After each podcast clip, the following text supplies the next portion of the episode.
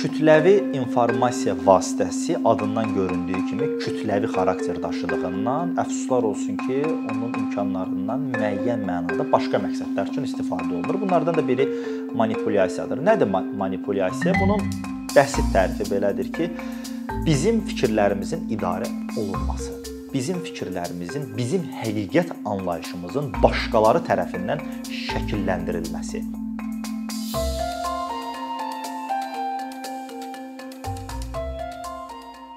Kütləvi informasiya vasitələri arasında bir e, e, vasitə var ki, bu daha çox kütləvi xarakter daşıyır. Bu nədir? Bu televiziyadır. Yəni bu gün Azərbaycanda istənilən vətəndaşın evində televizor var və nə qədər desək də ki, baxmırıq, imkan daxilində biz hər zaman yerli televiziya kanallarına göz atırıq və oradakı mənzərə ilə tanış oluruq. Əfsuslar olsun ki, Azərbaycan televiziya kanalları fərq etmir. Bu ictimai yayımdır, dövlət yayımıdır və özəl yayımdır. Bunlar manipulyasiya ilə məşğul olurlar.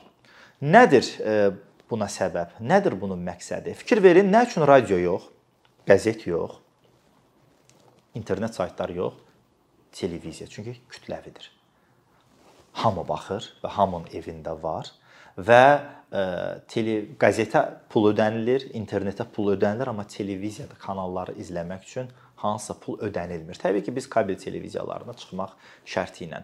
Buna mətbuat konsepsiyaları nəzərindən baxaq. Jurnalistika fakültələrində bunun 4-ü tədris olunur. Avtoritar, libertarian, sosial məsuliyyət və sovet kommunist. Sovet kommunist e, konsepsiyasında nə deyilir? Hökumət xəbərləri hazırlayır özü, televiziyaları ötürür və onların yayımına nəzarət edir. Fikir verin, televiziya heç bir işlə məşğul olmur. Xəbər istehsal eləmir, xəbər hazırlamır. Ona gələn məhsulu yaymaqla məşğuldur. Yəni burada televiziya üzərinə düşən informasiyalaşdırma funksiyasını, informasiya ilə təmin etmək funksiyasını yerinə yetirmir. Bir e, konsepsiyada var ki, bunlar jurnalistika fakültələrində tədris olunur. Bunun adı irəlilətmə konsepsiyasıdır. Nə deməkdir bu? Dövlət, hökumət tez-tez jurnalistlərə deyir: Sizin borcunuz milli təhlükəsizliyi qorumaqdır.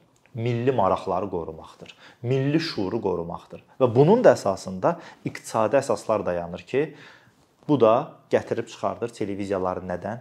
Müəyyən dövlət qurumlarından və yaxud hökumətdən asılı vəziyyətinə. Fikir verin, hər iki konsepsiyada idarəçilik var və kənardan müdaxilə var. Bunun da məqsədi nədir? Əhalini manipulyasiya eləmək.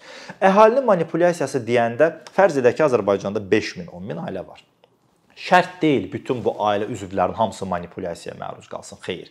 Hər ailənin içindən bir nəfərin də manipulyasiyaya məruz qalması kifayət edir. Çünki daxildə artıq qeyri-sağlam bir mühit yaranır. Baxmayaraq ki, fikirlər fərqlidir, məsələlərə yanaşma fərqlidir, amma artıq daxildə bir fərqli, xoş olmayan bir aura var. Çünki insanlar fərqli cür düşünür və bir insan digərlərinə haqsız olsa belə müdaxilə eləyir. Necə biz ayıra bilərik manipulyasiyanı real informasiyadan? Birincisi pis jurnalistika deyilən bir anlayış var. Pis jurnalistika yalnız ə, saxta xəbərlər və dezinformasiyalardan ibarət deyil. Eyni zamanda manipulyasiyadan ibarətdir. Və manipulyasiyalar bəli, saxta xəbər və dezinformasiya əsasında hazırlanır. Amma burada incə bir detal var. Manipulyasiya bəzən real informasiyaya əsaslanır. Əgər bir informasiyanın iki tərəfi varsa, manipulyasiya etmək istəyən tərəf onun birini verir. Yalnız özünə sərf edən tərəfi göstərir. Uğurları göstərir, dırnaqarası, ancaq yaxşı tərəfin göstərir, digər tərəfi ya neqativ formada təqdim edir, ya ümumiyyətlə təqdim eləmir. Yəni medalın bir üzünü göstərir, digər üzünü göstərmir. Yəni bir tərəfli ötürür informasiyanı. Qarşı tərəfin fikrini göstərmir. Və ən pisi də budur ki, eyni informasiya gün ərzində bir neçə dəfə gedir. Bir neçə dəfə. Və Azərbaycan reallığında biz müqayisə edə bilərik. Azərbaycan teleməkanında xəbərlər buraxılışları. Bütün televiziyalarda dövlət, ictimai və özəl. Əksərən eyni informasiya bütün televiziya kanallarının xəbərlərində gedir. Bəzi hallarda informasiya buraxılışında quruluş da birinci, ikinci, üçüncü xəbərlərin də quruluşu da eyni olur bəzi hallarda. Fikir verin, biz düşünürük ki, alternativ media var. Amma alternativ mediada digərinin dediyini təkrarlayır. Və Amerika alimləri sübut ediblər ki, manipulyasiyadan e, istifadə zamanı ən yaxşı hal bol rəqəmlərin verilməsidir, qrafiklərin göstərilməsidir, infoqrafiklərin verilməsidir. Yəni düzdür, onlar amma heç kimin yadında qalmır. Onlar sadəcə olaraq e, göz yaddaşı deyilən bir anlayış var. Biz görürük o rəqəmləri, böyük rəqəmləri, biz görürük o necə cədvəllər qalxır, düşür. Bunlar da özü bir nəticədir. Bunlar da özü bir manipulyasiya metodlarından biridir. Yəni hər bir formada məqsəd nədir manipulyasiyada? Mən sizə deyim. Sanki bütün insanları manipulyasiya edib dırnaqarası, dırnaqarası onların beynini və alt şüurunu zəruri informasiya ilə təmin edib hökumətə verməkdir. Yəni biz bu insanları manipulyasiya elədik, artıq bir buket halında da, bir gül buketi fonunda bu insanları təslim etməkdir. Yəni e, bunun e, belə deyim sizə, mən bayaq konsepsiyalardan danışdım. Sovet dövründə necə idi? Medianın, əsasən televiziyanın funksiyası nə idi? Təbliğat və təşviqat. Əfsuslar olsun ki, Azərbaycanda televiziya kanalları, mən ənənəvi mediadan danışıram, eyni yolla gedirlər. Təbliğat və təşviqat. Televiziyanın funksiyası, jurnalistikanın yox, televiziyanın funksiyası həm maarifləndirməkdir, həm bilgiləndirməkdir, yəni informasiyanı təmin etməkdir, həm də əyləndirməkdir. Bu çünki televiziyalar, indi biz sahə televiziyalarını kənara qoyuruq. BBC, CNN bunlar yalnız xəbər istehsalı ilə məşğuldurlar əsasən. Amma normalda televiziya kanallarında xəbərlər də var, kino da var, əyləncəli verilişlər də var, tok-şoular da var, siyasi proqramlarda, debatlar da və s. və ilaxır. Azərbaycan televiziyalarına baxaq. Son əsasən son 10 ilin tendensiyası nədir? Ciddi ictimai-siyasi buraxılışlar, proqramlar yox dərəcəsindədir.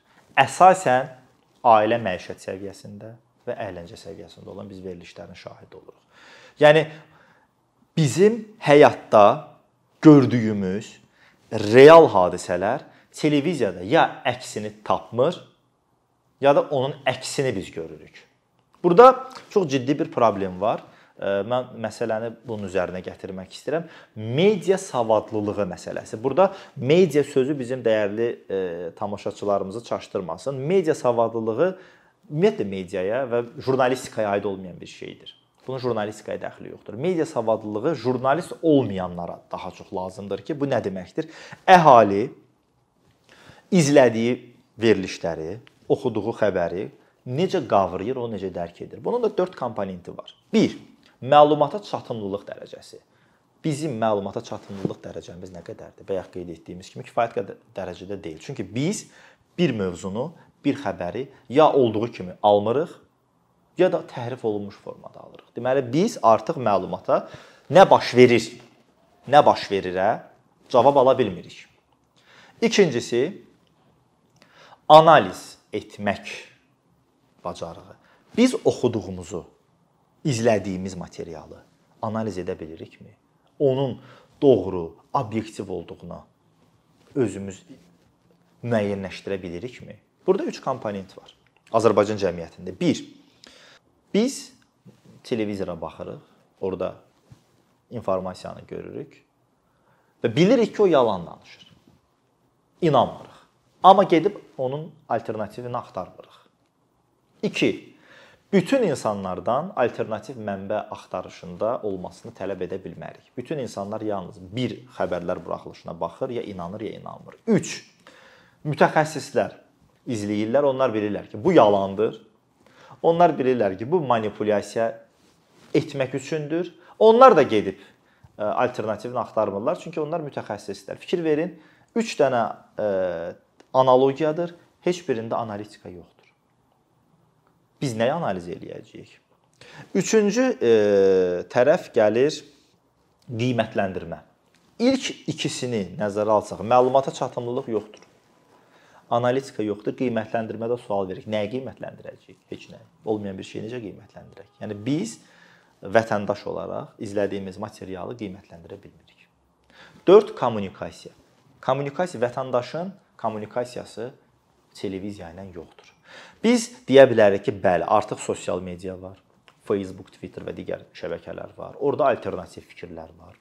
Orda biz qarşı tərəfə öz fikirlərimizi çatdıra bilirik. Amma qeyd etdiyim kimi söhbətin əvvəlinə qayıdıram. Bir ailənin içində bir nəfərin manipulyasiya uğraması kifayətdir. Hamı alternativ mənbə axtarışında deyil. Hamı sosial şəbəkədən istifadə eləmir. Sosial şəbəkədən istifadə edən şəxslər də onun doğru, düzgün istifadə etməyənlər də var. Məsəl üçün mən yalnız əyləncə funksiyası kimi baxıram. Tutaq ki, başqa birisi yalnız alternativ mənbə axtarışında axtarışındadır. Amma əfsuslar olsun ki, bütün əhalinin ə, belə deyək də hamısı hamısı belə deyil. Yəni manipulyasiyanın ə, əhatə dairəsi televiziyada ona görə genişdir ki, o, o həqiqətən də kütləvi hal daşıyır və kütləvi belə deyək də informasiya vasitəsi rolunda çıxış eləyir. Nə deməkdir bu? Danışa bilərik, manipulyasiyanın bir növü var, spin, S P I N. Spin manipulyasiyanın bir növüdür. Bayaq qeyd elədiyimiz kimi informasiyanın bir tərəfli verilməsi. Buna albalı yığımı metodu deyirlər. Nədir bu metod? Bir problemdən çıxış yolu var və bu problemdən çıxış yolunun üçün 10 yol var. Biz nə edirik? Biz qarşı tərəfə yalnız bir yol göstəririk. 9-unu demirik. Yəni biz bilirik ki, biz 10 yolun 10-unu da desək, o çox asanlıqla problemini həll edə biləcək. Amma biz onun birini deyirik, 9-unu gizlədirik. Düşünülmüş formada, qəsdən. Yəni bu gün Azərbaycan televiziyaları bu formada işləyirlər. Və ya ona görə mən dedim ki, manipulyasiya yalnız və yalnız saxta xəbərlərlə və dezinformasiyalarla olmur. Eyni zamanda real informasiyanın da əsasını bu təşkil eləyir. Və e, başqa bir nümunə çəkə bilərik. Yaşadığımız pandemiya dövründə tez-tez eşidirik nə? Vətəndaş məsuliyyətsizliyi. Egoist e, vətəndaşları egoist adlandırmaq. Yəni bunlar da həmin o spinlərin bir növünə aiddir. E, nə məsələn deyir ki, e, siz məni anlamadınız. Amma demir ki, mən sizə izah edə bilmədim. Fikir verin, məsuliyyəti atır qarşı tərəfin üstünə. Halbuki özü doğru formada izah eləyə bilməyib. Qarşı tərəfə ki, siz məni doğru anlamadınız. Yəni çoxdur əslində belə ə, e, müqayisələr, çoxdur belə e, fikirlər, amma əfsuslar olsun ki, ə, e, çıxış yolları da burada istədiyimiz qədər çox deyil. Məsəl üçün media savadlılığından danışdıqsa, ə, dünyada ə, inkişaf etmiş ölkələrdə, hətta ə, Azərbaycan kimi yeni müstəqil olan dövlətlərdə bununla bağlı qanunlar var. Media savadlılığı haqqında qanun var. Bu bir fən kimi orta məktəblərdə tədris olunur. Bu bir fən kimi ali məktəblərdə tədris olunur. Yəni deyirəm, jurnalistika fakültələrində yox. Bu əhalinin media savadlılığının artırılmasına xidmət edən bir məsələdir. Amma Azərbaycanda bu yoxdur. Nə bununla bağlı bir qanun var, nə də ki bununla bağlı bir tədris proqramı var. Mütləq qanun qəbul edilməlidir media savadlılığı ilə bağlı və Azərbaycan cəmiyyəti olaraq, ictimai fikir olaraq, media olaraq və vətəndaş cəmiyyəti olaraq Milli Məclis qarşısında məsələni qaldırmalıdır. Media savadlılığı tədris proqramlarına salınmalıdır ki, insanlar oxuduqlarını, bildiklərini qavraya bilsinlər, onları analiz edə bilsinlər. Daha sonra kabel televiziyası, yəni bu rəsmi rəqəmlərdir. 500 kabel televiziyası 500 telekanal təklif olunursa, onun 160-ı rus dillidir. Nə üçün? Nəyə görə? Yəni burada da bir balans ə, yaradılmalıdır. Daha sonra bununla bağlı jurnalistlər məqalələrlə çıxış etməlidirlər, elmi məqalələrlə çıxış etməlidirlər. Yəni çünki əhalinin manipulyasiyaya uğraması cəmiyyətin inkişafdan geri qalması ilə nəticələnə bilər. Bu da çox gələcəkdə çox ciddi fəsadlara səbəb olar. Mən iki nümunə çəkmək istəyirəm. Bunlar çox məşhur nümunələrdir və bununla da yekunlaşdırıram. 1980-ci illərdə Polşanın Çexiya ilə yerləşən bir e, e sərhədə Svitnik şəhəri var. Burada e, axşam 8 xəbərləri olanda xəbərlər başlayanda əhali parklara çıxırdı. Bu bir etiraz nümunəsi idi ki, biz evdə deyilik və biz sizin xəbərlərə baxmırıq, inanmırıq. Yəni çox sivil, demokratik bir etiraz idi. Sonra elə Polşanın başqa bir şəhərində isə başqa bir orijinal metoddan istifadə eləmişdilər. O xəbərlər başlayanda televizoru çıxardırdılar, üzünü balkon, eyvana üzünü çevirirdilər küçəyə doğru. Bu da bir etiraz nümunəsi. Sivil sakit etiraz ə, nümayişi idi ki, biz sizə inanmırıq. Doğrudur, o vaxt sosial şəbəkələr filan yox idi, amma bu da bir etiraz idi. Yəni biz nə qədər desək də ki, biz televiziyalara baxmırıq, biz televiziya kanallarını yerli izləmirik, amma ailə üzvlərimizin arasında kimsə onu izləyir və kimsə mütləq manipulyasiyaya uğrayır və bu ailə daxilində qeyri-sağlam bir atmosferin, bir mühitin yaranmasına gətirib çıxarır.